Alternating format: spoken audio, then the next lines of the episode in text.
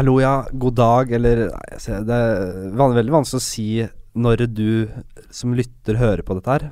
Um, Jeg får si bare yes, jeg. Ja. Det er helt tidsubestemt. går det fint, Joakim? Veldig greit. Ja. En ting uh, vi har til felles, mm. er at vi begge har gått på Romerike folkehøgskole. Ikke sammen. Vi nevnte i forrige episode at vi, vi ble kjent på videregående, på dramalinje. Og så gikk jeg fra videregående over til på Romerike folkehøgskole. Men det gjorde ikke du. Det er riktig. Men du begynte året etter meg. Ja, det er veldig rart, hele greia. Jeg du- skulle, jeg skulle bli branningeniør og skulle ta opp noe matte og skulle Jeg hadde ikke matte fra drama, ikke sant, og fysikk. Ikke skulle du bli skuespiller, og ikke skulle du hadde, og, Eh, øh, Bare, det var bare surr. Bare surr, hele greia. Og Men, eh, til korset, Det selvfølgelig. er gøy, fordi jeg kom på en, eh, en veldig morsom ting da fra Jessheim, der eh, Romerike folkehøgskole ligger. Uh, vi var jo ofte, ganske ofte ute på byen da jeg gikk der. Så kom jeg på her for litt siden at det var Vi møtte en, en rapper uh, ute på byen. På Ved SM. flere anledninger. ISM. Ja. Kan du gjette hvilken rapper det var? Dias. Nei, det var ikke det. Det var en annen rapper. Nei, men det er ikke noen annen rapper. Det er ikke to rappere Det er to! på ESM. Én dårlig og en, Og en mye dårligere. Nei, det var, det var slemt Dias er jeg ikke enig. Nei, beklager. Jeg vet Faktisk, jeg Dias er en, mener jeg, er en habil norsk rapper. Ja, jeg, jeg har ikke hørt noe særlig på han. Jeg. Jeg bare, for meg er det én rapper på Jessheim. Ja. Og For husker, for alle er det det. jeg, hus, jeg husker ikke hva han heter, Ja. men han hadde en, en, en låt som han, han rappa et vers som jeg, bare brent seg fast i hukommelsen min på byen. Han, han rapperen han, han, Jeg skal prøve å gjenforskape det verset. Det verset han okay. dro på med, som han har laget, og som han står 100 inne for, går sånn her. Våkner opp om morgenen med en Ringnes. Går ikke ut av døra uten 9-6. Say I'm waking up with a Ringnes. Not going out without a 9-6. Det er helt sjukt. Våkner opp om morgenen Jeg tror ikke med en på det, her, Det hva, faktisk, jeg ble mer mer sikker på det. Du bare lyver. For det første er det bare én rapper på har, Det er det første, første av alt. jeg har masse øyevitner på dette. her Men nummer to, hva, han rappa bare for dere, han på utestedet. Dette her er lenge siden, jeg husker ikke akkurat hvordan det var. Men det er en kjent sak at han rappet dette her, og han var en klovn. Jeg håper ikke Jeg håper jo, jeg håper han hører på, for da tar han kanskje, kontakt, tar han kanskje kontakt, så jeg får snakke med han han Er du litt ærlig med han. Jeg våkner opp om morgenen med en Ringnes. Ja, det, og det så lenge eh, så lenge, Det er faktisk ikke Allerede der så begynner jeg usikker hva han mener. Og så for det første, han er, gang, han er jo på en måte en gangsterrapper, vil jeg tro. Han Jo ser på seg selv som, og han rapper om alkoholproblemene sine. De relativt milde alkoholproblemene sine. Han våkner opp om morgenen. Han våkner opp med Ringnesen. Og våkner han, har han i hånda, altså har han i armkroken når han våkner, og popper den på nattbordet. Sånn. Setter korken på, natt, på kanten på nattbordet og, og jekker den. Eller er det det ja, om han og våkner opp med å drikke, eller våkner opp med den? Jeg tror han mener at han våkner opp med å drikke Ringnes. Altså, ja, Første han gjør, ja. strekker seg over senga, opp på nattbordet. Der står det en deilig Nei. varm pils Ja, det, det, som han jekker. Nei, vi ønsker at han har en pils på nattbordet, Ja. men det han mener her, er at han kan ikke Han våkner ikke opp. Han får våkner ikke opp. Altså, noen trenger en kopp kaffe, han trenger en Ringnes. det tenker jeg. Okay. At han, han våkner opp om morgenen med Ringnes. Det er sånn du, han, Det går ikke en dag uten at han Han, At han ok, tar en Ringnes. altså vekkelsesritualet hans Ja. er eh, blant annet det å drikke Ringnes. Ja. Og så videre var det Går ikke ut av døra uten 9-6. Uten 9-6, altså 96 sprit. Han går ikke ut av, ut av døra uten det. Så da, alt alltid med seg det. Det er en del av hans Jeg, en del av jeg, hans- jeg har jo likt å tro at han ikke går ut av døra uten en flaske 9-6, men jeg vil tro at det, han Jeg tror det han mener her, er at han går ikke ut av døra uten å fyre ned et par shots ja, er med ikke jeg 9-6. enig. Jeg Tror det, jeg tror det er hans andre rappere, eller andre gangstere, går som en våpen for, for sikkerhet. Hans, hans trygghet ligger i denne 9-6-flaska Ja. som han har med seg. Litt som, litt som Bilbos ring. Ja. Eh, Dette er Bilbos Dette er Hva heter, vet jeg for noen rapperen her? Eh, Det jeg husker Han andre. Han, Diaz er det er den andre. Den andre jeg husker jeg ikke. Okay, Ok, ok. Nei. Han er en, han er en, han er en øh, skygge i livet mitt som følger meg på en eller annen måte. Fortsatt? Jeg, jeg, jeg har tenkt på det her jevnlig siden. Uansett, så tar han eh, Mm. Altså, verset er på en måte bare det samme men på, engelsk, på norsk og engelsk. Never change a winning team. Ja, Våkner om morgenen med en Ringnes. Går ikke ut av døra uten 9-6. Say I'm waking up with a Ringnes. Not going out. Nei, det Say I'm waking up nappa. Nei, fyren er ikke god. Uh, ja, Det er jeg ikke enig i. Han mener han har fått til mye. Jeg kommer til å huske det her når jeg, når jeg 80 år, 90 år på gamlehjemmet. Jeg kommer, det kommer til å dukke opp en eller annen gang. Jeg har masse tid til å tenke da. Kan du, kan du garantere meg at du finner han, Henrik, til slutt? Kan det, kan det på en måte bli på et eller annet tidspunkt i livet Ja, ditt? jeg skal et, finne et han. lite prosjekt Jeg for tar deg? det i hånda. Kan du, kan, ok, og jeg skal selvfølgelig være den første som får høre om det. Han derre uh, Tore på sporet. Eller om det er noen det kan, Jeg det tror det er vel at han burde ha brukt Store Sporet hvis du ber han finne han andre rapperen på Jessheim. Jeg tror ikke det er liksom hans Jeg er på primærområde. Jessheim. For å finne den andre rapperen. Uh, jeg ble her om dagen Jeg, jeg bruker ofte handikaptoalett. Ikke fordi jeg er en drittsekk nødvendigvis, men fordi det er, det er, så, det er du, er alene, du har en helt stort, et eh, stort avlukke for deg selv. Uh, det er uh, sjelden Altså, når det ikke er kø der, så Mange bare ting som også andre vanlige toaletter tilbyr, da, for så vidt. Både den aleneheten kan du også få på vanlige toaletter. har jo, har jo hatt moralske utfordringer ved det tidligere, men det er, det er blitt helt Ja, kvitt. Ja. Jeg tenker handikapfolk tåler å stå litt i kø. Ja, for du må ikke Hvis noe det, hvis det kommer til det. Det er ikke noe mer tilstrekkende til det enn Men det jeg du har er. aldri opplevd at det, noen har banka på døra. 'Hallo, nå er jeg, jeg er handikappa, jeg må veldig på do. Er, er du handikappa der inne? Hjelp! Hjelp!' Jeg har aldri opplevd det før her for noen dager siden. Jeg øh, sitter på Jeg har øh, jeg, bæ- jeg har Jeg har bæsjet. Jeg sitter øh, egentlig ganske Jeg har ikke dårlig tid, så jeg sitter litt på mobilen og chiller'n. Og så hører jeg liksom Det dras i dørhåndtaket flere ganger, og det blir liksom oppstyr, å høre en stemme bare at dette går ikke an. Hva er det som foregår her? Øh, Skal ut og kontakte personalet, og jeg bare Oi, faen, nå må jeg, nå må jeg bare gjøre meg ferdig her. Men hva hvis du Jeg skjønner ikke helt. Det kan jo fort være at du bare var en handikappet person som Ja. trengte litt tid. Jeg vet, kanskje Jeg tenkte bare Har de sett meg gå inn der, øh, og at det har blitt et oppstyr? Jeg vet ikke. Nei. Jeg vet ingenting, jeg. Jeg bare vet at her er det ugrei stemning. Jeg må bli ferdig. Kanskje det er en som holder på å bæsje på seg i rullestol ute utenfor. Jeg vet ikke. Jeg gjør meg ferdig, går ut, så er det ingen der. Uh, det er ingen som uh, Det er ingen der lenger. Så de har kanskje Hvis det er løst seg, med andre tenkt at han har gått Da har han gått inn på den vanlige doen, han handikapper, så har gått ut til en annen restaurant for å gå på do. Jeg vet ikke. Men så, så jeg, jeg gjorde det ikke, men jeg vurderte veldig Jeg sto litt ved døra på vei ut. For jeg tenkte jeg skulle ut i krigssonen, ikke sant. Så sto jeg og vurderte. Skal jeg halte ut? Ja, det er jo Eller spørsmål ikke. som må stille seg. Skal jeg halte ut eller ikke? Hva gikk du for? Nei, jeg gjorde ikke det. Nei. Jeg tenkte Man må bare eie Jeg det. tenkte man, jeg skal bare, Nå skal jeg stå for det. Og så skal jeg faktisk ta den lille krangelen som kommer nå, tenkte jeg. Fordi jeg, jeg, men, nei, hvis, jeg på hvis jeg er på flyplass, så går jeg alltid For da har jeg ofte en koffert. Når jeg går av flyet, så kommer jeg med en koffert som er ganske stor.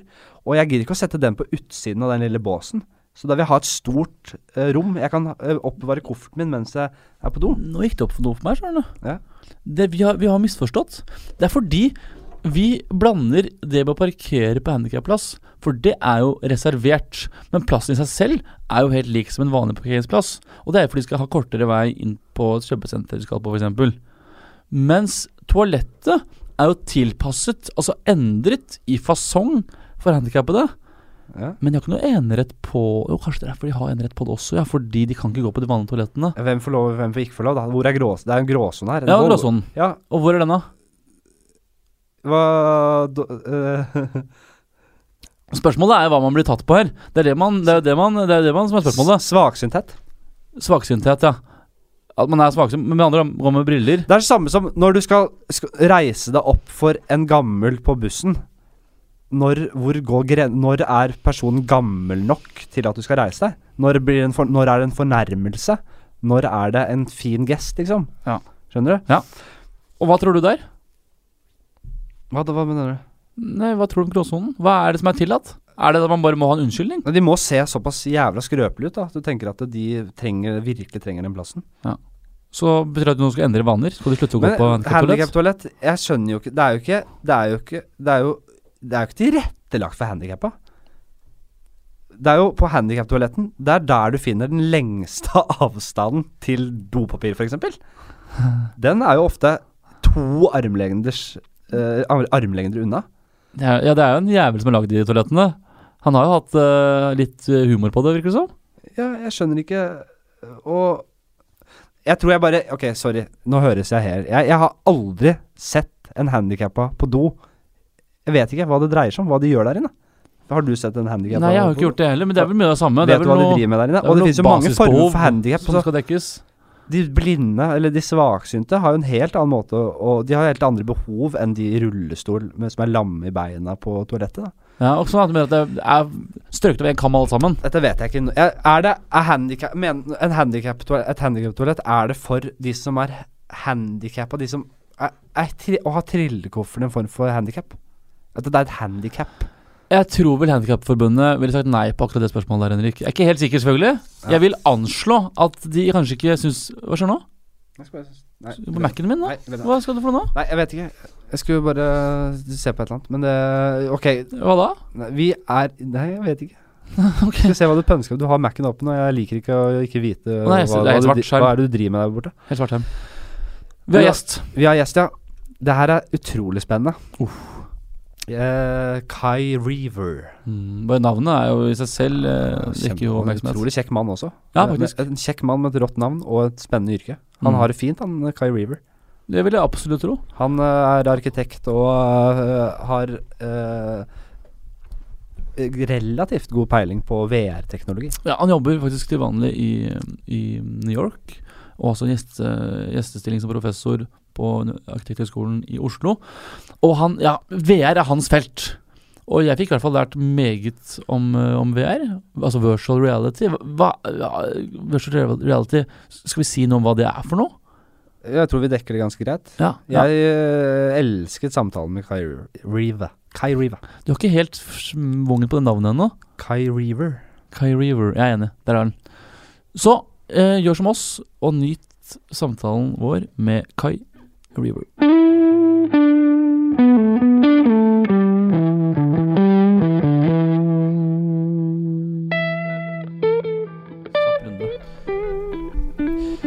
Lars Joakim K. Hagen. Henrik S. Flatseth. Du, har du prøvd uh, VR-briller før? Ikke ennå, faktisk. Du har ikke det? Nei. Ikke sånn med bare mobil eh, Som med mobilen på en sånn VR-brillegreie? Nei, jeg har ikke gjort det. Jeg har bare sett eh, noen bilder av det. Den boksen som Er det Google som har den? Det er Ja, vel det. ja, jeg har også prøvd en sånn enkel øh, type. Uh, da man setter mobilen på, og så, på brillene, og så ja, Det var ganske enkel enkle Det var noe dinosaur ei på noen dinosaurer og Ja, enkelt, da. Bare noe og, ridning og på kjørte noen dinosaurer. Ja. motorsykkel og drev og svingte rundt og dreit meg ut. Det var ikke nok for deg, det? Noe ridning på dinosaurer? Det var ikke en, øh, en simulering som virket helt reell, nei. Nei, nei, riktig, nei. Men var det VR eller var det AR? Henrik? Hæ? Var det VR eller var det AR? Ja, der er du god. Ja. Fordi jeg vet jo nesten ikke hva forskjellen er. Nei. Eh, men eh, jeg kan ikke så mye om dette her, jeg. jeg, jeg, kan, du kan Er ikke det basisen for alt vi har på denne podkasten her? Jeg kan ikke så mye om det. For en gangs skyld, eh, dere som hører på, så, så er jeg helt uh, blank, jeg, altså. Nei, ikke helt blank. For en gangs skyld. Hva er det du prøver å. Insinuerer du? Nei, vi er vi er heldige å ha med oss eh, Kai Justin Reaver. River. Gratulerer med navnet. Til å Jo, starte takk. med. Eh, klinger veldig La fint. oss begynne med det. Vi er veldig opptatt av navn i denne podkasten her. Uh, hvorfor Men jeg vi selv heter vi setter- jordsmonnavnene. Vi setter begge pris på et godt navn. Ja, nettopp. Så der skårer du ti av ti poeng eh, på, på navnet alene. Allerede der, ja. ja. Det er jeg glad for. Vi har ikke begynt med det du er god på engang. Vi får se om du klarer å følge opp. det blir vanskelig. Ja, vi begynner liksom på toppen. Ja, vi på toppen, navnet, og så bare bygger bygge nedover. Ja, nettopp. Du øh, ja, Fortell litt om deg selv. Du, du jobber som arkitekt. Ja, altså i utgangspunktet så er jeg jo jeg er arkitekt. Jeg, og jeg er utdannet arkitekt. Um, og har bakgrunn fra en haug med forskjellige firma. Um, jeg jobbet eh, sist eh, frem til i fjor eh, i Snøhetta, som alle kjenner. Eh, der var jeg fire-fem år. Um, samtidig med det så har jeg undervist kontinuerlig ved Arkitektskolen her i Oslo. Um, og før det så hadde jeg masse forskjellige sånn praktikantopphold sånn i plan- og bygningsetaten og ulike firmaer i USA, eh, hvor jeg også kommer fra opprinnelig. Um, og, og nå i det siste, det er sikkert derfor jeg er invitert, uh, la oss si ja, i nesten ett års tid nå, så har jeg holdt på med å både undervise i og forske på, og egentlig ha en slags profesjonell overgang til det å jobbe med uh, VR eller AR, eller hva vi enn kaller for det. Ja. Um, jeg begynner å kalle det for uh, et sånn felles betegnelse som er mixed reality, eller rett og slett bare simulering. Um, Men jeg tror VR som en sånn betegnelse som vi bruker i liksom allmennheten, er en, en ok ting, for den begynner å omfatte uh, svært mange ting. VR er vel det. som er mest kjent uh, for folk flest. Jeg må, jeg må bare ta litt Bare du sa Jeg kan tenke på det. Du sa forske på uh, VR. Hva er forskjellen på å forske på det og en startup som skal lage et produkt på det? Eh, Ja, jeg tror det med å forske på det vil si at uh, Ja, la oss si for eh, I begynnelsen av 2016 så ble jeg spurt av Arkitektskolen om å begynne å holde egne masterkurs. Og eh, de kursene går ut på at man skal ta en gruppe studenter, og de skal velge det kurset. Så de velger det selv fra et sånt lotteri. Og der skal du presentere et tema som man skal undersøke, skal forske. Og det temaet jeg presenterte da, var å se på ulik teknologi som skulle brukes i arkitekturpraksis til å på en måte endre måten arkitekter tegner på. Uh, så i den forbindelse så ser jeg på det som en form for forskning. Og gjennom det arbeidet så, så ble jeg også rekruttert inn i et firma der vi driver med forskning. Så i, i det selskapet der jeg jobber i New York i USA, heter vi heter Planeta. Og vi er et såkalt R&D-selskap som er Research and Development. Så sånn sett, så jeg vet ikke formelt sett, for å kalle meg forsker, så må jeg kanskje ha doktorgrad, det vet jeg ikke. Men jeg kaller det for for, for forskning, men du kan også si at uh, man undersøker det, eller forsøker å se på det. Riktig. Personlig så jeg for, forsker i humor, selv om jeg ikke har noen utdannelse i det. Altså, vi, altså, vi alle forskere, Hva er vi forsker ikke du, i, Joakim? Eh, festival forsker jeg på. Jeg forsker på festivaler. Sex. Eh, ja, på fritiden blir det da. Ok. Vi må faktisk bare få en liten innføring i Altså, hva er VR? Hva er AR? Uh, Hva er forskjellen? Hva er Ja. Altså, uh, dere har sikkert um, sett all mulig forskjellig reklame og YouTube-videoer og sånn av VR-ting. Eh, og det omfatter egentlig svært mange forskjellige ting. Um, I utgangspunktet så handler VR om å skape en slags uh, digital verden som oppleves som virkelig. Og det er mange forskjellige måter å gjøre det på, og vi er inne i et veldig tidlig stadium av teknologien. Så noe av det som er uh, ganske omfattende i dag, er et, eh, en video som er filmet eh, 360 grader, som man da eh, står inn i med en eller annen form for headset, altså noe man har en, en brille som man har foran øynene, som da gjør at eh, istedenfor å se på en skjerm der bildet er ikke beveger seg, så, eh, så kan man bevege på hodet, og da vil filmen eller videoinnholdet bevege seg sammen med hodet ditt. Uh, det er kanskje den enkleste formen for VR, og det er også den som kanskje har nådd eh, la oss si forbrukermarkedet i størst grad. Det, vi kan gå ned på Elkjøp nå og kjøpe en, eh, en eh, plastbrille til 400 kroner, og så kan vi putte inn din telefon. Jeg vet ikke hva du har, om det er iPhone eller hva det er for noe. Huawei.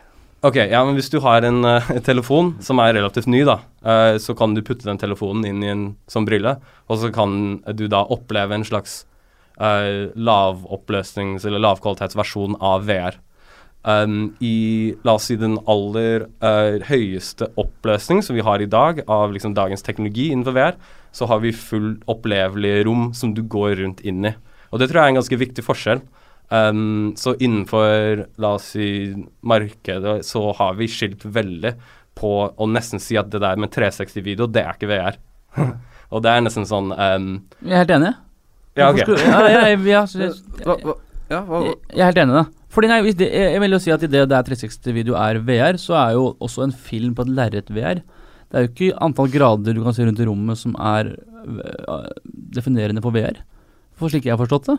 mm, ja, Eller er det altså- det? Fordi jeg bare sånn Virtual reality. Riktig. Det er det det står for. Ja, altså det er øh, Og dette er jo helt vanlige samtaler som jeg, jeg har med veldig mange når jeg forsøker å forklare hva VR er. Og eh, jeg tror grunnen til at man vil beskrive en sånn 360 graders opplevelse når du er inne i en film og opplever filmen og du kan bevege på hodet og se deg rundt i rommet Grunnen til at det betegnes som VR, er fordi du er innenfor eller inni en hel verden. Og det er det som er den kritiske forskjellen mellom det å se en film på skjerm eller å gå på kino og se på et lerret. Det er det at hele verden er eh, Hele verden som er konstruert, er uh, projisert omkring hele hodet ditt. Så det er, det er det at du er blitt omfavnet eller innslukt i hele media. Og det er den kritiske forskjellen mellom VR og la oss si film eller TV eller et annet medium. Så, så Ja, hvis, man også- kino, hvis man kan se en kinofilm i 4DX, eller hva det heter, Mm. det, er, er, det er det samme? Det er VR? Nei, for Nei. hvis du da ser til høyre eller til venstre, så vil det sitte noen andre der. Ja, ja, ja. Så um, du kan tenke på Hvis dere husker Imax, Ja. disse Ja. tingene på 90-tallet som liksom skulle være fullstendig oppslukende, eller hva man skal si. Det er, jeg vet ikke hva synsfeltet på det er. Eh, det er kanskje um, eh, Kan dere huske hvor mye det er? Det er en sånn relativt god bøy Si at på det er 60 grader. Kan være så mye mer enn det, ja. 70 Ja, okay. grader. Ja, så man kan si at uh, hvis man tenker at man går fra Max. 60 grader relativt som foran perspektivisk på hodet ditt, da, Riktig. rett ut eh, Hvis du tenker at det da er 360 grader, også ned, opp, Riktig. venstre, høyre, bak deg, alt mulig. Du er på innsiden av kula. Det er på innsiden av en kule. Rett, Det er rett og slett uh, det du er. Ja. Ja. Når man ser liksom sånne altså Si at man får på seg en slags drakt som plukker opp bevegelser, Mm. uh, som at man kan bevege seg rundt i en, eh, en eh, alternativ virkelighet, nesten. Mm. Så det finnes dette her? Hvor, ja, det fins. Ja, det finnes, ja. Og det er der det kommer et skille innenfor la oss si utviklermiljø, og om man jobber med VR i den form for at det er man et rom man beveger seg inn i, eller om det er om du er eh, om du har en kule oppå hodet ditt. Jeg syns det er en ganske god forklaring på forskjellen her. Fordi For å forklare, for å ta det to steg tilbake, da. Enten så er du eh, Så sitter du der, og så har du en kule oppå hodet ditt. Men hva skjer så om du reiser deg og går og eh, Eller om du beveger på hodet ditt litt frem og tilbake? Eh, da forventer jo du, for at dette skal opple oppleves virkelig, da forventer du eh, at du tar med den kulen, og den kulen også beveger seg sammen med deg. Riktig. Og innholdet av den- det du ser i kulen, og at du beveger deg tilsvarende i den kulen. Ja, så la oss si at du er i en virk virtuell virkelighet der du sitter i en bil, og bilen kjører. Du vil da forvente, dersom den verden var virkelig, at du kunne gå ut av bilen. Riktig. Og da ville du liksom falle ned på bakken og rulle rundt, og hva som helst ville skje. Og det er også der uh, jeg er egentlig uh, Og det er det som gjør at VR er blitt så spennende nå i det siste, er fordi man klarte å komme seg forbi den terskelen, og klarte å la oss si gå ut av bilen. Ok. Og det er det som er det er det som har gjort at det er et medium som jeg som arkitekt uh, kan være interessert i. Ja, fordi Hvordan bruker du dette i jobben din? Jeg, Ja. jeg, vet, jeg, jeg så på den serien Billions, uh, og da øh, var det en, en som ga en Ja, de er jo veldig rike, disse menneskene. De ga, han ene ga en gave til han andre, som var en ring som sørget for at han fikk innpass på en båt, en yacht, som uh, skulle Var det ikke en bunker, da? Det var en bunker. det var en båt som hvis eh, verden gikk under, så fikk han innpass, eller fikk han lov til å komme på om bord på den båten og leve der. Eh, så han fikk da Sjekk opp det der, Pernille, for- med den båten. Nei, det var ja, for- Såpass viktig er faktisk det at vi kan ikke Jeg tror det var en båt, da. Uh, der han kunne Så eh, for, å, for, å, for, å, for at han kunne få sjekket ut hva denne båten var for noe, så fikk han på seg noen VR-briller. Mm. Der han kunne gå rundt i, uh, i, i tegningene, eller i en sånn prototype eh, tegning eller univers Eller hvordan de har laget Jeg er så ræva på å snakke om det her. Han kunne gå rundt i den båten med de brillene, da. Riktig. Og se, og gå inn der, sjekke hvor fett Ja. det er der, liksom. er våpenrommet, osv., osv. Er det liksom på samme Ja, altså du det er, med, liksom? det, er, det er der vi på en måte er kommet med teknologien, da. Um, så for å forklare litt mer om hvordan jeg kom inn i dette For omtrent et år siden, jeg tror det var juni eller juli 2016, så slapp ut eh, det taiwanske selskapet HTC ut noe som heter Vive. Og det de gjorde, var at eh, før Vive um, så fantes det VR der du på en måte har en mobiltelefon eller en skjerm som da, har, eh, som da kan følge deg rundt i denne kulen, slik du sa. Så du er inne i en film, som er en 360-kule. Um, det Vive gjorde, var at de sa at for at dette skal oppleves som virkelig, så må du kunne gå rundt i det. Mhm. Så det, uh, det headsetet besto da av, er um, Det er da en brille som man tar på hodet, uh, som har et såkalt sånn posisjoneringssystem. Så den vet hvor i rommet den befinner seg. Når du sier brille, så snakker du ikke om lesebriller da? Nei, jeg snakker om en relativt stor Ja, dings som man har på hodet. Men det er noe man tar på hodet. Den veier kanskje halvannen kilo eller noe sånt, så man merker jo at den er der. Ja. Men uh, det er liksom en stropp som man tar på hodet. Det tar kanskje fem sekunder å få den på.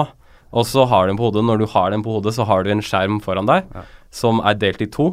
Én til hvert øye. Uh, som da uh, For å si den renderer ut virkeligheten inn, på innsiden av en 3D-modell i sanntid. Eh, I en bildefrekvens, eller såkalt FPS, uh, som Nå var det- samsvarer Nå var du unna her. Ja. eh, Som samsvarer med um, La oss si øyehastigheten din.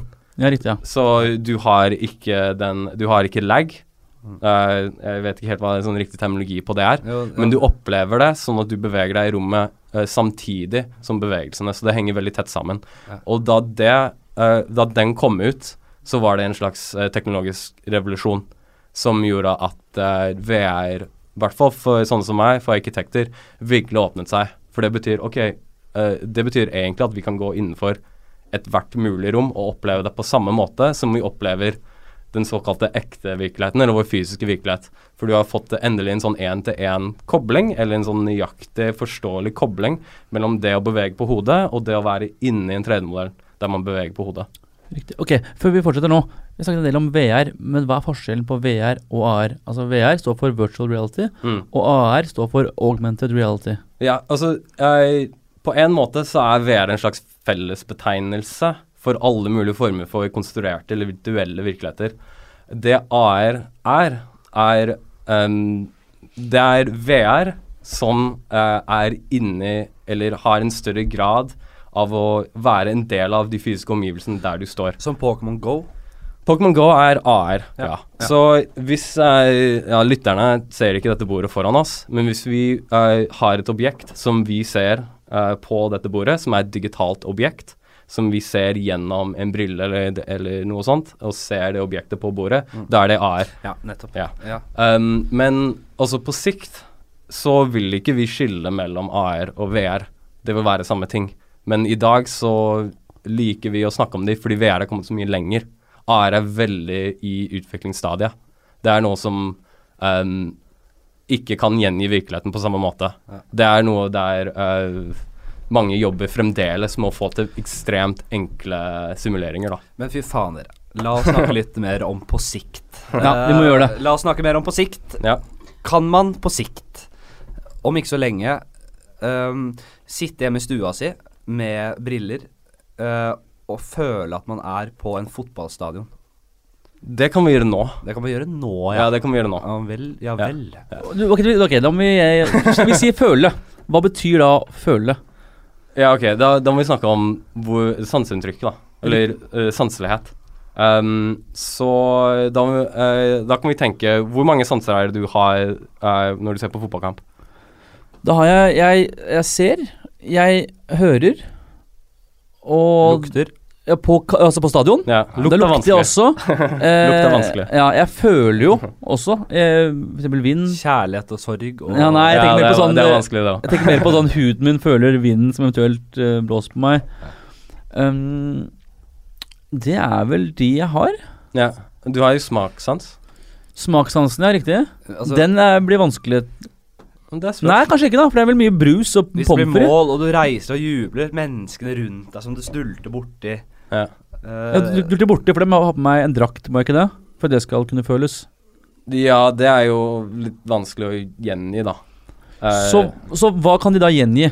Ja, ok, så du får uh, syn og, og hørsel. Riktig? Det får du replikert eh, svært nærme virkeligheten. Mm. Eh, også ved moderne kamera- og mikrofonteknologi så får du det nesten som du vært, skulle vært på stedet. Kan bare skyte inn Må det da være en slags robot på det setet du liksom skal sitte på, for at dette skal fungere? Ja, det må være et kamera. Ja. Eller det må være en person med et kamera på hodet. da. Ja. Så Riktig, ja, men det kan jo én da Det kan jo én på stadion sitte der. Men Vent, si vent, litt litt nå, på, vent litt nå. På Trafford Ja. er det plass til 6000 mennesker.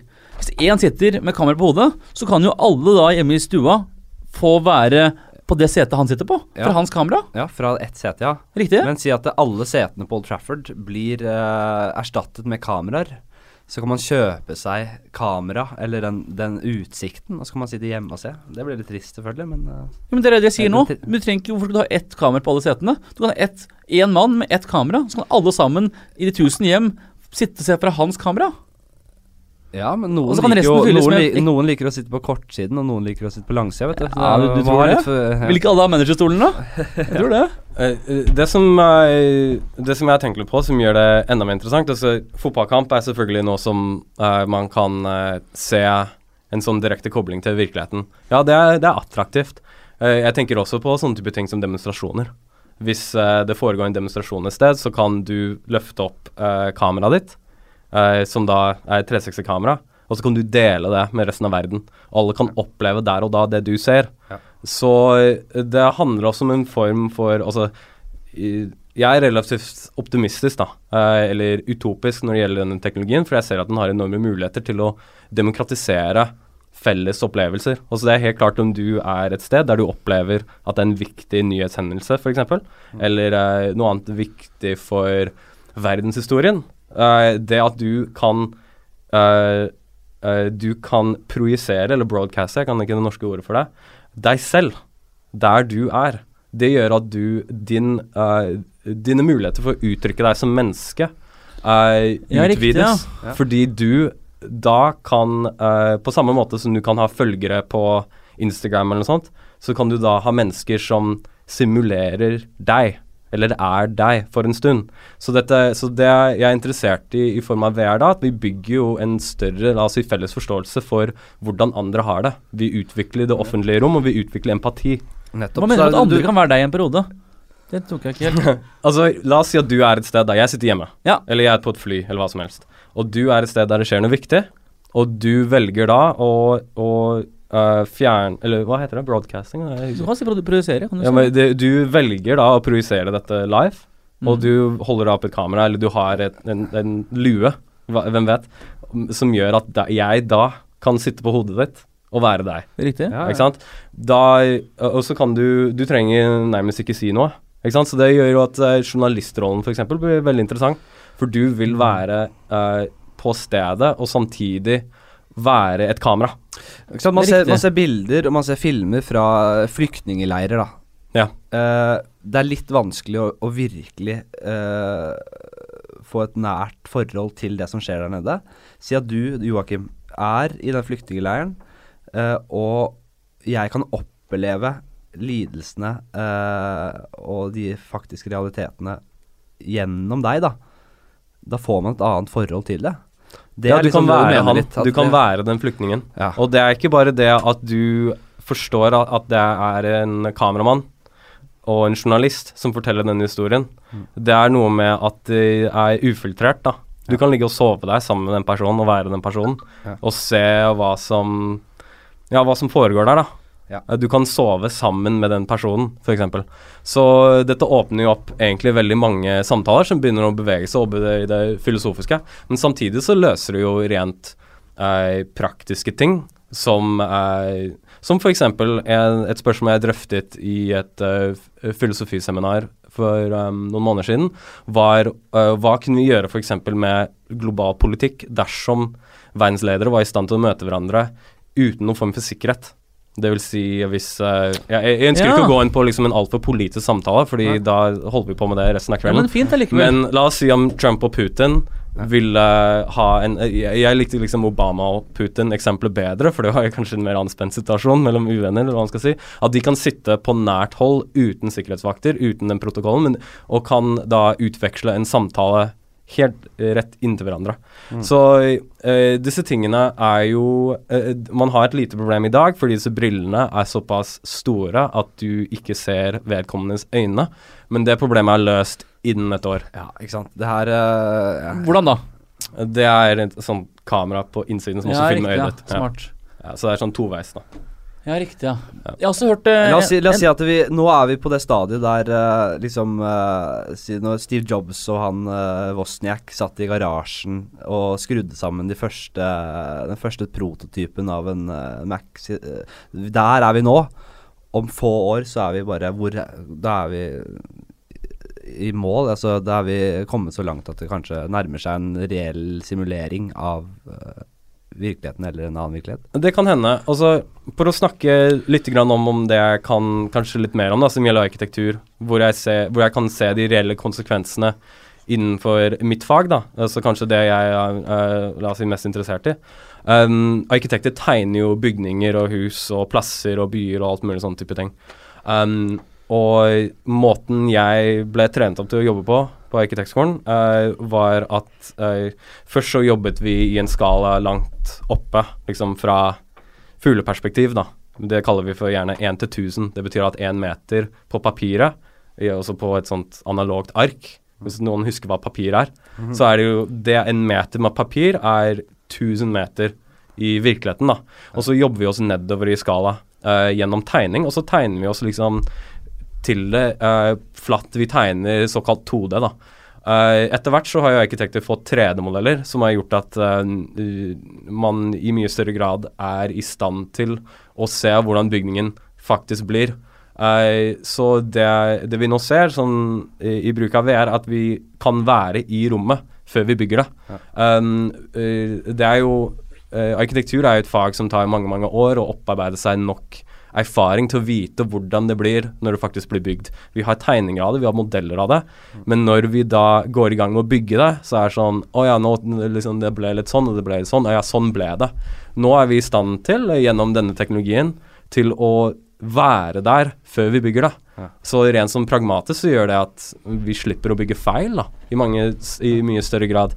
Som ung arkitektstudent. Jeg, jeg er veldig glad i å i å undervise arkitektstudenter, for jeg har kjempetro på en sånn kommende generasjon arkitektstudenter som vil være i stand til å bruke denne teknologien til å uh, til å uh, lage uh, arkitektur som er mye nærmere la oss si den forståelsen og intimiteten som skal til til å tegne omgivelser som mennesker forstår. Fordi man får et medium som gjør at ikke bare at de kan gå inn i sine egne hus, altså at eh, som arkitektstudent så kan du gå inn i ditt eget hus lenge før du har blitt ferdig arkitekt engang. Du trenger ikke å bygge det før du kan være her, men du kan ta med andre inn. Du kan ta med de du skal tegne for, og spørre dem hva syns du om det mm. nye huset ditt. Ja, Det er fint, ja. Og det er enormt, eh, la oss si, relasjonsbyggende mellom arkitekt og kunde. Det er empatiutviklende. Det er Uh, det utvikler forståelse for hva arkitekter gjør. Ja, ja. Men også det at uh, for meg, da, som ikke kan arkitektur uh, eller interiør, jeg kan måtte si hva jeg ønsker til interiøren eller arkitekten, og så slipper jeg, og så sier jeg det, og så oppfattes det av en ekspert på en måte, og så blir det feil. Jeg kan jo da også, på min side som kunde, kanskje vise dere hva jeg tenker, hvis jeg har en, et ønske. Ja, altså det som er veldig gøy, at du kan jo ta frem en en sånn, uh, et verktøy som tilhører VR, og så kan du tegne det selv. Riktig. Som en tusj. Så du kan tegne den tusjen og si 'jeg skulle gjerne hatt vinduet her', eller enda mer nøyaktig, da. Du kan ta et bilde som du er glad i, et barnebilde. Du kan sette det på veggen. Du kan si 'det bildet hvor jeg har her'. Og Det kan du fortelle arkitekten. Og det, det er sånn type informasjon som, eh, som, jeg som arkitekt ikke vet noe om. Riktig. Fordi jeg ikke kjenner deg godt nok. Riktig. Så gjennom den felles prosessen som vi har, så klarer vi å skape noe sammen. Og det er derfor igjen jeg syns arkitektur er et spennende medium. Det er ikke nødvendigvis fordi det gjør at vi kan skyte hverandre med mye større liksom, virkelighetsgjengivelse, eller at vi kan eh, jeg vet ikke, jeg kjøre biler raskere eller sånne type ting. Jeg, jeg, er selvfølgelig glad i underholdning og all den type ting, men jeg, jeg ser at med eksempler fra flyktningleirer, fra fotballkamp og fra undervisning. og fra undervisning, at dette er et medium som gjør at uh, vi rett og slett uh, klarer å få folk til å bry seg om hverandre ja. bedre, fordi vi er i stand til du, Hva er uttrykket liksom så, Hvordan ville det vært å være i, i vedkommende sko, eller hva man sier? Uh, ja. om, hvordan er det å stå i deres sko, eller Riktig. dine sko? Riktig. Det er liksom det samme, men du er inni deres hode. Eller liksom du er deres syn og, og hørsel, da. Og det er um, Det ser jeg har en enorme uh, muligheter. Hvis du tar litt tak i denne med utdanning, bare. Sendte meg, du sendte meg en film fra Det var vel Google som hadde et, et seminar hvor de snakket om mulighetene innen utdanning eh, for, eh, for barneskoleelever. Hvor de eh, kan da ha et kunstmuseum i klasserommet. De Mm. kan vise verdens kunstverk og malerier på veggene i klasserommet, og så kan de ha skulpturene på gulvet. Mm. Og så snakker vi muligheter. Ikke sant? Kontra en lærer står og forteller om et kunstverk, og så har du, et, eh, har du kanskje et bilde i boka, så kan du faktisk ha det på veggen i klasserommet. Klart at Det gjør jo veldig mye med hvordan de eh, syvåringene eh, blir engasjert i undervisningen. Mm. Naturlig nok. Kan jeg bare ta på meg Ja, ja selvfølgelig. Nei, altså- jeg bare ble litt uh, Nei, jeg var litt- jeg var litt tidlig ute her nå. Ok. okay nei, altså uh, Tilbake Eller sånn Ja, altså absolutt. Um, en av de tingene vi gjør på arkitektskolen, som er en lang tradisjon som går tilbake til da skolen ble etablert uh, rett etter krigen, er at man drar på tur ut i verden for å oppleve arkitektur. Så de første turene man gjør som første års, førsteklassing, er at man drar til Aten, og så drar man til Rom. Og der skal man liksom se alt av klassisk, såkalt klassisk arkitektur. da. Det er en kjempeviktig del av undervisningen. Og så har man en tradisjon at hvert semester så drar man til et sted, gjerne mer og mer, la oss si, fjernt og eksklusivt. Man drar til Japan, man drar til USA. Og det er en del av undervisningen fordi at man skal oppleve rom og, vi, og forstå hvordan de er. Det er kjempedyrt. Og hvis vi snakker om CO2 og fly og alt de tingene der altså Det er ikke bærekraftig at hele verden skal reise og se alle steder. Men nei, kom til mønnet ditt, fordi da vil VR gi muligheten for Altså, ja, altså VR vil gi jo muligheten for at du kan være på stedene uten å sette deg på et fly, da, for å si det helt enkelt. Men husker dere før Skype kom? Eller liksom før dette med telefonmøte kom på en måte som man kunne se den andre personen?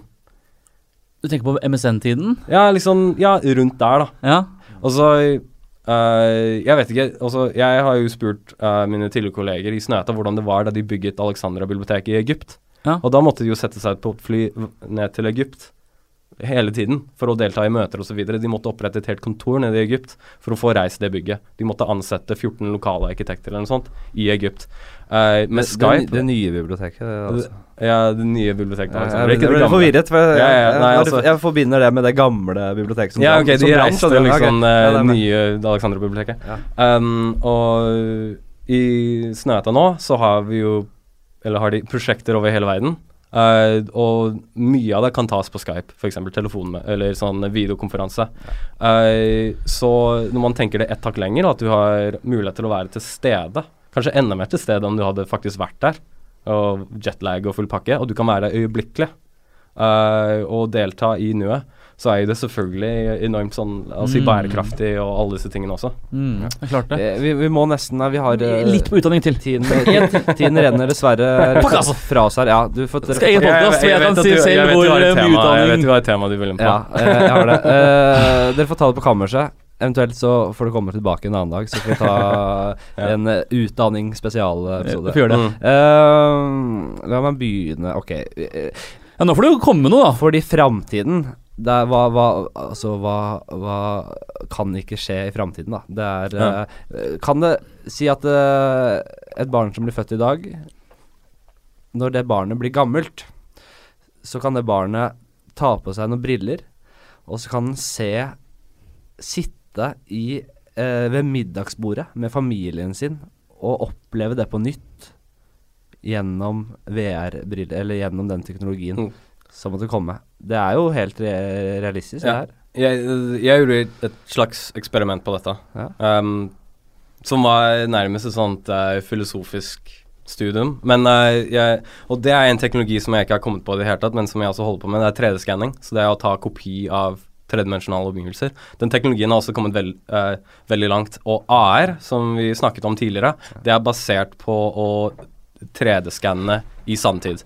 Men uten å gå for mye inn i det tekniske, Ja, riktig, ja. så det at man tar opp rommet og omgivelsene i rommet i sanntid, er den teknologien som skal til for at AS skal kunne fungere. For at Pokémon Go skal kunne fungere, du skal kunne slippe ut en Pokémon på gressplenen, så må telefonen skanne gressplenens ikke bilde, men geometri. Altså tredimensjonale flate. Du må vite hvor bordet er i forhold til gulvet, i forhold til vinduet, for at det skal fungere. Og det er det kamera på mobiltelefonen din som er i stand til å gjøre i dag. Det er AR. Men uten å gå for mye inn på det, så hadde jeg en stor 3D-skanner, og så hadde jeg besøk fra USA i leiligheten. Og så, 3D, og så hadde vi fest, og vi 3D-skannet den festen mens uh, festen pågikk. Og den har jeg på data nå.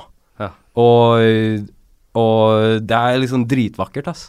Ja. Det er så jævlig fint.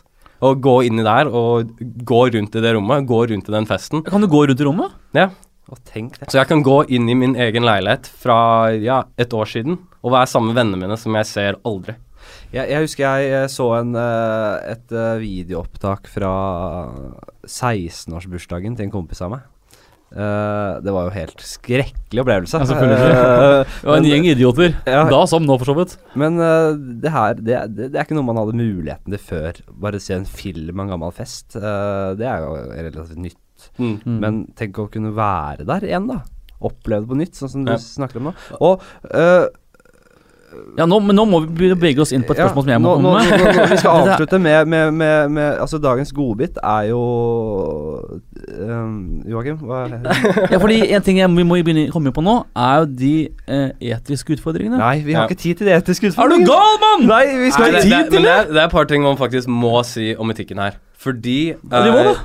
Ja, vi må Når man ser på utvikling av disse teknologiene, så er det jo veldig mange bekymringer. Og um, på fredag så var jeg møtte Hanna Markussen, altså byrådet for byutvikling. Og hun var interessert i å høre hvordan kan vi bruke VR i byutviklingsspørsmål. Og da sa jeg det vi kan gjøre, er at vi kan se alle bygninger, alle fremtidige planlagte bygninger. Vi kan se det i kontekst. Vi kan gå ned på plassen ned på Youngstorget her, og så kan vi se hvordan regjeringskvartalet faktisk blir, f.eks. Mm. Istedenfor disse bildene. Altså, jeg er veldig imot bilder av arkitektur i avisen. Det er et helt annet tema, men jeg syns det er liksom ekstremt manipulerende hvordan det er blitt. Ja. Men uten å gå for mye inn på det, det Den etiske dimensjonen her, som alle frykter, er at alle bare kommer til å sitte på soverommet sitt. Ja. Og at det hele sosiale, offentlige omgivelsene som vi er så glad i, forsvinner. Fordi alle sitter liksom i sitt Matrix sånn uh, geléboble og ikke kommuniserer med omverdenen. Og, og hvor stimulerte skal vi bli, liksom? Ja. Det er jo Ja. også et spørsmål. Hvor, hvor mye stimuli skal vi få, da? Før det sier stopp? Før ingenting er interessant og alt blir uh, helt merkelig? Ja, nettopp. Og så eh, Hvis man eh, Jeg er veldig sånn tilhenger av Marshall McLuhan, som eh, skrev masse Det var han som kom med dette 'The medium is the message'. Altså, mediet er beskjeden. Altså, det mediet kommuniserer, er beskjeden i seg selv. Så eh, det, det gjør at vi kan forklare Trump i dag som et resultat av mediet, la oss si mediet Twitter. Twitter i seg selv er liksom beskjeden, fordi den klarer å bryte gjennom alle tidligere medier, for det er så kraftig. Den måten Twitter kommuniserer på, gjør at innholdet i selve meldingen ikke har noe å si. For det mediet liksom treffer beinhardt rett i hjertet på deg. Og VR er sånn. Altså, eh, Første gang jeg var inni det, det var liksom en helt utrolig opplevelse. Og man, vi snakker om eller Vi ser jo tilfeller av folk som blir så oppslukt i det at de er inne i flere timer, og når de kommer ut igjen, så er de ikke i stand til å på en måte prosessere virkeligheten lenger. De, de, de, du får en sånn du, du er litt bakfull, rett og slett, på VR, fordi det er så ekte. Så jeg er litt bekymret for at, uh, at det blir så virkelig at man ikke lenger klarer å skille uh, opplevelser eh, som er konstruerte fra faktiske opplevelser. Og så er jeg også veldig bekymret for at mesteparten av utviklingen innenfor VR i dag er jo private selskap som Google, Facebook, uh, Apple. Svære selskap med enorme budsjetter som har tid og råd til å utvikle disse tingene.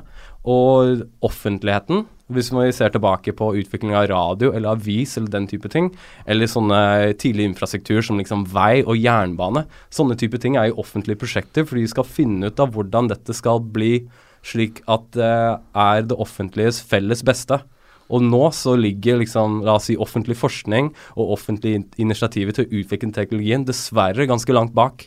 Og det er så store liksom, det er så store beløp da, som skal til for å utvikle tjenestene og teknologien som skal til, at vi Jeg er også ekstremt bekymret for at vi kan få et slags klassesamfunn av de som er på en måte en del av Google og Facebook og den type ting, og de som ikke er det. Ja, altså, det er veldig Vi kunne snakket mye lenger om det her. Vi, vi skal uh, avslutte med Vi skal enda dypere. Betydelig dypere. Uh, simulation theory. Å, det er min Ikke kjepphest, men det temaet jeg er veldig glad i. Ja, det er veldig spennende. Fordi vi fikk jo, Jeg fikk jo eh, liksom fem punkter eller linker fra deg, Kai, med ting vi burde se på før den podkasten her. Ja. Og på siste var ja, forresten, hvis dere liksom vil uh, virkelig dypt se på denne, denne filmen her. Og det var to timer med bl.a. Neil deGrasse Tyson og andre debattanter til å snakke om simulation theory. det, var en gjeng med, det var en gjeng med fysikere i skinnjakker og solbriller. Riktig. Det er veldig spesielt. Kjempespesielt. Eh, den kan jeg også anbefale på det varmeste. Eh, bare søk på 2016 Isak Asimov Memorial Debate. Is the universe a simulation? Mm. Kai, kjapt. Hva er simulation theory? Dette er Matrix. Eh, Ja, det er jo Ja. Det er Matrix. Uh, men også Grunnen til at simulation theory er kult, er fordi Elon Musk syns det er kult. Og Elon Musk er selvfølgelig verdens kuleste fyr, fordi han har kule biler og kule raketter. Er du ironisk nå? Nei, altså Er, det nye merker? Altså, jeg vet ikke. Det er jo det er derfor det er kult, da. Det er, uh, men samtidig så syns jeg det er interessant når uh, sånne tungvektere innenfor vitenskapen gidder å liksom samle hundrevis av mennesker til, til uh, et sånn type forelesningsrunde. Det syns jeg er interessant i seg selv. Det spennende. For jeg føler at Jeg har jo jeg har fått med meg også at Elon Musk er interessert i det her, men jeg syns jo at det er det som har fått meg til å eh, måte, Det har vært mitt medie da, for å få ta del i den debatten og den, Ja. det temaet. Ikke sant? Ja, ja. Det er ikke bare lenger de uh, fysikerne som prater sitt eget språk, som, som er opptatt av det. Det er også noe som vi alle kan tenke litt på. Ja, ja. Altså, eh, simuleringsteori baserer seg på at um, Jeg tror det er litt sånn. Jeg er ikke, jeg er ikke ekspert på dette feltet overhodet.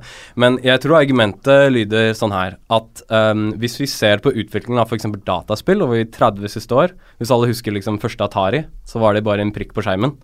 Og nå har vi fullt opplevelige liksom, skytespill som er nærmest virkelige. Og med VR så er det liksom så å si virkelig, kan man si. Eh, så påstanden er at dersom, selv om teknologiutviklingen skulle sakke ned til en promille av den utviklingen, så ville innenfor 10 000 år fra nå, så ville den teknologiske utviklingen, med mindre mennesket dør ut og utviklingen stopper opp, så vil vi ha fullt opplevelige simuleringer som er like ekte som virkeligheten. Og dersom det stemmer, så vil det da så si at enten så døde vi ut, eller så er vi inne i en simulering. Det er sånn liksom argumentasjonen fremkommer. Uh, det er noen ting ved det som uh, kanskje gjør at man blir litt sånn forundret over ja, men hva hvis vi er de første menneskene, og vi er de som er på vei til å utvikle den simuleringen? Riktig? Det er en måte å se det på. Det er først og fremst, fremst et veldig spennende tankeeksperiment, det her, da.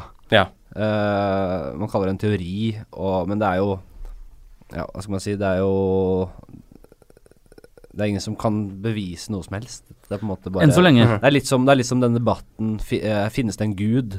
Og hvis, når man beviser at Gud ikke eksisterer, så er, argumenterer folk med at det, ja, men det er Gud som uh, står bak de, Altså som har skapt de bevisene. Er det de, Ja, og det er det jeg syns er litt fint ved det, faktisk. Er at, um, at det det egentlig vil si, at dersom, dersom vi er inne i en simulering, da, eh, så er vi egentlig tilbake til liksom sånn de grunnleggende filofos øh, filosofiske spørsmål igjen.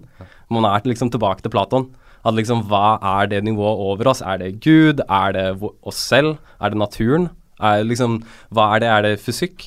Så jo lenger oppi denne diskusjonen man kommer, samtidig så er vi liksom Så, eh, så finner vi eh, en del spørsmål som mennesker alltid har stilt seg. Liksom, hva, hvorfor er vi her? Og hva er over oss? Og hva er det som kontrollerer oss?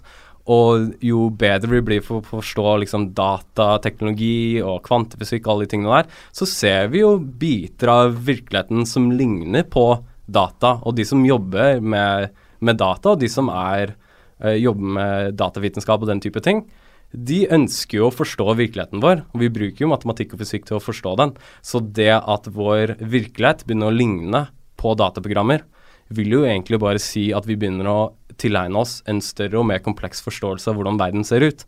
Og det gjør vi at vi i større grad kan uh, forstå klimaendringer. Eller sånne helt reelle ting. Hvordan vi skal komme oss til Mars. Ting som kan være interessante for vår uh, fremtid. Ja, altså, eh, men si at vi er i en simulering, da.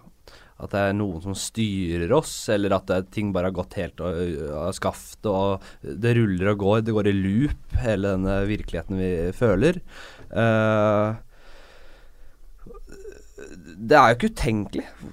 Hvis det hadde vært uh, faktum, så ikke Så kunne vi kanskje ikke avslørt det. Eller uh, kanskje vi le Det Har dere sett filmen The Truman, The Truman Show med Jim Carrey? Riktig. Ja. Der- Ja. han, Det er et godt eksempel. han lever i en, eh, en, en virkelighet som han tror er ekte, og så viser det Så blir det flere og flere mistenkelige avsløringer, og så viser det seg, det viser seg at han er bare en hovedpersonen og eneste karakteren i et, uh, i Et skuespill. TV, et skuespill, TV-show. Ja. Hele verden hans er bare fake.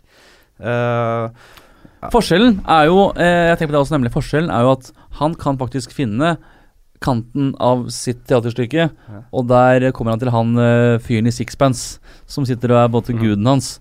Mens hvis Det som er spennende her, er at hvis vi er en simulering eh, Eller vi kan aldri motbevise at vi er en simulering.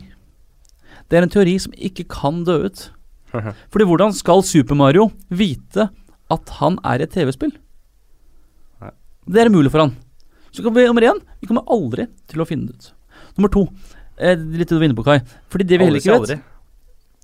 Nei, men fordi Plutselig begynner jeg å lagge nå. Ja, hva betyr det? Det betyr, se- det hva, hva var det? Og så tenker du, hva var det? jo, men Henrik, det er bevis på Er at det er en Henrik simulering. Er, det, er den ikke den Henriken jeg Nei, Min gamle gode venn? Nei, men det, det er jo Det er ikke et bevis på at vi ikke er det. Det er jo en, en indikasjon på at vi er en simulering. Vi kan aldri motbevise at vi er det. Og, og, si at vi er en simulering, og noen styrer oss, hvem fa, Hvem er de menneskene, eller hvem er de vesenene som, som startet dette her?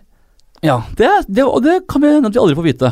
Ikke sant? Og det som er du begynte på, Kai, var Runker jo de at, til oss? er at vi, de på en alien-vis til oss? Hva er, det de, hva, hva, hva er meningen med livet? Hva Får du dårlig samvittighet nå for uh, de Simsene du har spilt med, eller de Mario-figurene du bare har kastet ja, ned i grann. De, de, de Sims-familiene jeg har drept. Ja. uh, Nei, fordi det er etikk på i to skala her, da. For det ene er når vi begynner å lage våre egne simuleringer. Uh, er vi da ansvarlig for de vesenene vi skaper? Litt som Westworld. Eller hva? TV-serien. Ja, nettopp. ja. Det er liksom Det er en slags samme greia. ikke sant? Er de ekte, er de ikke ekte? Føler de, føler de ikke? Og da, beklager jeg avbrøt deg, Eh, er vi, og er vi da ansvarlige for de skapningene? Og er det her og det blir sånn, Men er det her ekte, eller er det her fake? Og hva vil det si? For det er også spørsmålet til der er Greit, men spørsmålet er om vi simulerer eller ikke. Hva endrer det? Ja, hva endrer det? Er det Altså, hvis man får vite at man er i en simulering jeg vil, tro, jeg vil tro at det endrer ganske mye. Hva føles helt meningsløst når man har funnet svaret? Er vel ikke det som holder oss i gang, at vi ikke helt faktisk vet? At, vi ikke, at det er så mye igjen å forstå? Hva heller du mot, Kai? Jeg vet ikke. Jeg um, Altså Jeg kaller meg gjerne en pragmatiker, men jeg syns det å tenke at dersom vi er i en simulering, så betyr jo det at vi også kan simulere fremtiden vår. Og vi kan gjøre liksom dette, denne verden til et bedre sted. For dersom dette er en simulering, da, da burde vi jo da, Det burde jo være noe som klarer å forene alle mennesker og liksom bry seg om planeten og liksom alle denne type ting. da. Og så er, Om det er en simulering, så tror jeg ikke nødvendigvis at det fører til at, uh, at vi uh, bare liksom gir opp all form for håp. Da vil vi forstå at dette er en slags lekeplass der vi kan gjøre hva som helst. Ja. Uh, så det går begge veier. Men én ting som jeg hørte faktisk på flyet fra New York på vei hit, som var ganske interessant, uh, er er Det var en som snakket om uh, en sånn uh, Satt med laptopen sin, og det var liksom to stykker, eh, og så eh, prøvde å liksom å åpne et program. Og liksom dobbeltklikke og dobbeltklikke, og så skjer liksom det. Hvor liksom programmet åpner seg, men så, så klikker det. Det er liksom programmet klikker. Mm. Og, så, og så så jeg liksom litt på, på hvordan dette, dette liksom utspilte seg. Den der enorme frustrasjonen alle føler når et sånt program ikke funker. Ja. Og hvis vi er i en simulering, så er vi jo inne i et program som funker veldig bra. Altså Det funker jo sinnssykt bra. Så den som har skrevet den, er jo Det er liksom sinnssykt bra versjon av Windows vi er en del av, da. Men husk på, husk på en ting, da. Det er hvor lang tid det ikke skjedde noe som helst. Før vi er nå. For nå, for at nå skjer det jo ting. Nå er det action, og liksom, ting flyter. Men alle de 100 millionene årene, for ikke si milliarder årene, hvor det bare var støv, røyk, men, planeter vi, vi, har, vi har vært uh, relativt intelligente i bare noen få år, menneskeheten. Tenk en sivilisasjon som har vært superintelligente i kanskje en milliard år, da. Men dette går jo Dette med tid, da. Altså, Einstein og relativitetsteorien kan jo også bety at uh, Nå er vi veldig tungt inne på dette, Ja. men uh, det vil si at tid er en uh, Eller spacetime, slik som Einstein forklarer det. Det vil også henge nært sammen med Jeg vet ikke med Ikke nødvendig Altså, vi vet jo at tid er en plastisk masse.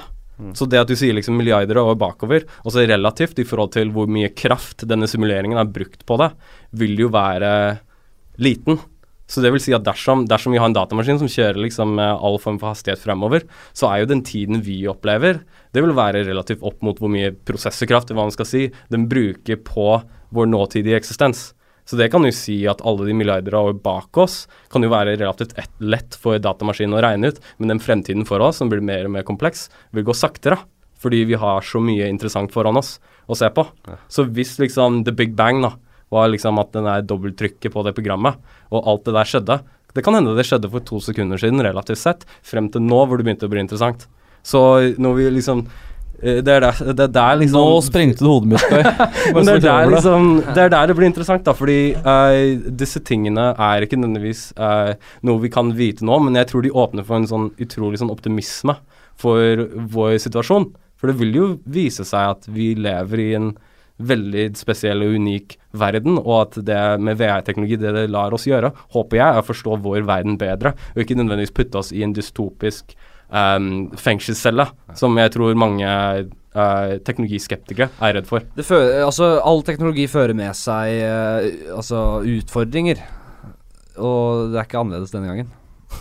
Det kommer til å være Det kommer til å bli et voldsomt kjør med, med guttunger som sitter med VR-briller og voksrumpe på fanget og ser porno. det, For det er jo drømmen her, er ikke det? det kommer til å bli uh, Altså, vi vet ingenting det, Altså, fremtiden har ingen begrensninger. Menneske, vi kan få til alt mulig. Alt kan skje. Uh, og vi er inne i en jævlig spennende tid. Uh, vi må eh, Vi har dessverre ikke så mye tid igjen i denne podkasten. Det er det vi ikke har. Du rakk så vidt Du rakk så vidt å veie innom det med porno, virtuell porno. Ja, det vil jeg Vi ser på innom, og så kjapt ut igjen. Jeg tror vi skal ha en, var- en, en VR-porno-spesial eh, en annen Det får være din, og så har jeg den VR-utdanningsspesial. Ja. Hver vår. Har du ett siste ord, eh, Joakim, å komme med? Ja, siste ord å komme med. Ti sekunder på det. Å ja, eh, ok. Da, da må jeg bare si eh, kjempehyggelig at du kom, Kai. Tok deg tid fra, fra ditt eh, prosjekt på AHO og i New York.